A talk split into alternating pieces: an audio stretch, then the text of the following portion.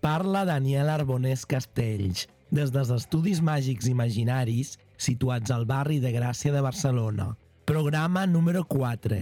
Màgia congelada. Estàs escoltant Els Secrets, el podcast amb esperit radiofònic sobre l'art de l'il·lusionisme. El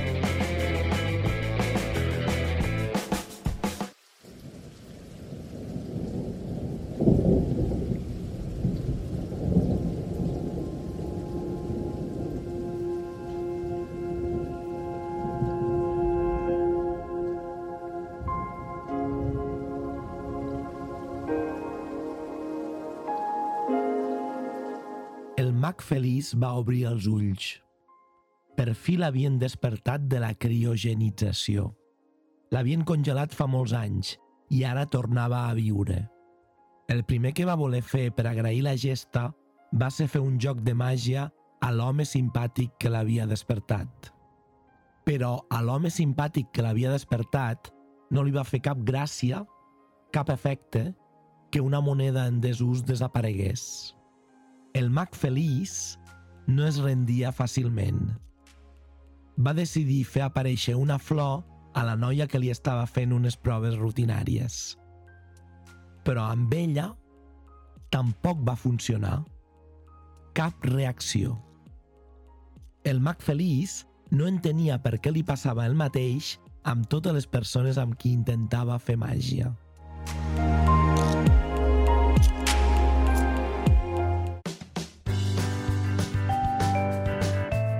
Al final del programa d'avui sabràs com conclou la història del mag feliç que no entenia per què li passava el mateix amb totes les persones a qui intentava fer màgia. A cada episodi dels Secrets descobriràs un relat inèdit, un petit conte de la meva creació inspirat en la iconografia màgica. Al final, en sabràs el secret.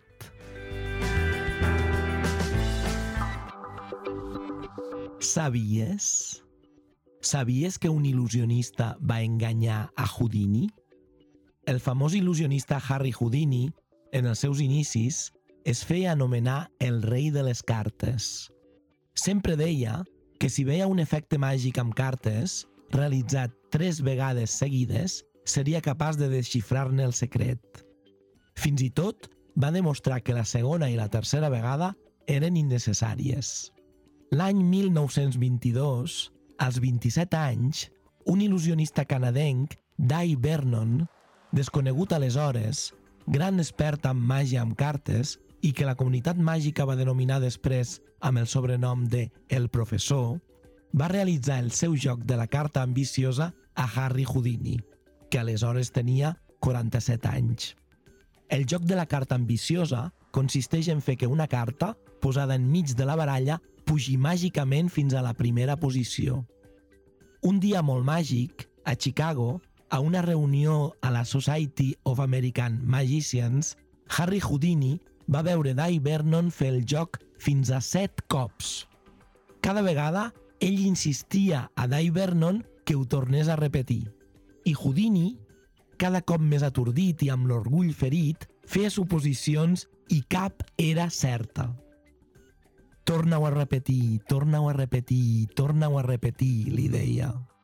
Finalment, la Bess, la dona de Houdini, i els amics de Dai Vernon li van insistir «Accepta-ho, Houdini, t'ha enganyat». A partir d'aquell moment, Dai Vernon va fer servir als seus cartells publicitaris el títol de L'home que va enganyar Houdini. Un secret que Houdini, el rei de les cartes, mai va digerir.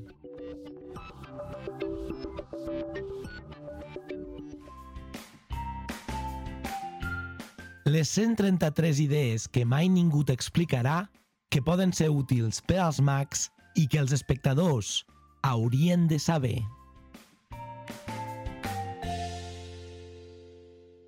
Idea número 67. Aprèn màgia, estudia els clàssics, tinguis ofici. Quan facis qualsevol actuació, sigui en un teatre o més informal, s'ha de notar que tens ofici. Pot semblar un argument antic, però de la mateixa manera que exigim que un ebenista conegui a la perfecció el seu art, també ens ho hem d'exigir a nosaltres, els mags. Si et vols dedicar al món de la màgia en més o menys grau, has de saber tot el que puguis en relació al teu art. I això és el que penso. Idea número 1. Tinguis cura dels secrets. Si no saps un joc a la perfecció, no el facis. És un tresor preciós que has de preservar per respecte al llegat que ens han deixat tots els mags que ens han precedit. No menyspreis situacions. Tinguis cura dels jocs que fas a la família i als amics, ja que totes les actuacions són importants. Estudia els jocs i fes-los amb seguretat quan sigui el moment. I això és el que penso. Idea número 121. Siguis autosuficient. Espavila't. No depenguis dels altres. No pensis que sempre tindràs un equip que t'ho resol tot. Imagina com seria sortir a l'escenari sense cap ajudant. Espavila't tu sol. I si després tens un equip que t'ajuda, molt millor. Però crec que és bo ser conscient que quan estàs sobre l'escenari estàs sol i has de saber viure i actuar amb aquesta responsabilitat. I això és el que penso. I tu? Si t'agrada el podcast, t'agradarà Off Màgia, l'espectacle de màgia on t'explico els meus secrets. Off Màgia, l'espectacle de màgia on el mag us explicarà els seus secrets.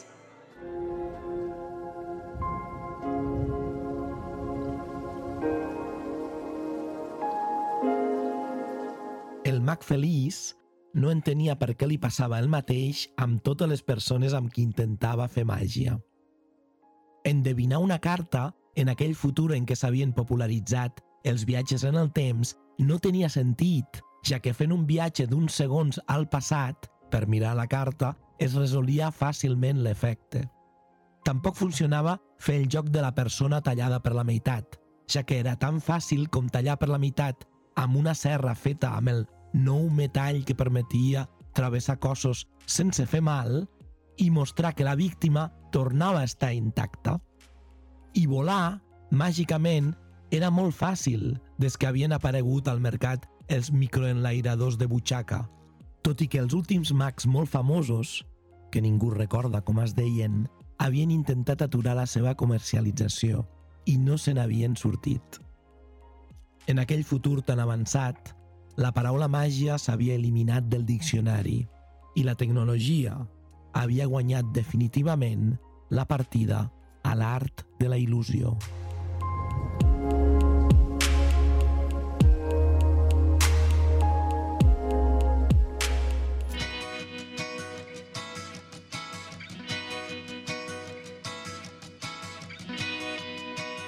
Moltes gràcies per escoltar l'episodi 4 de Els Secrets.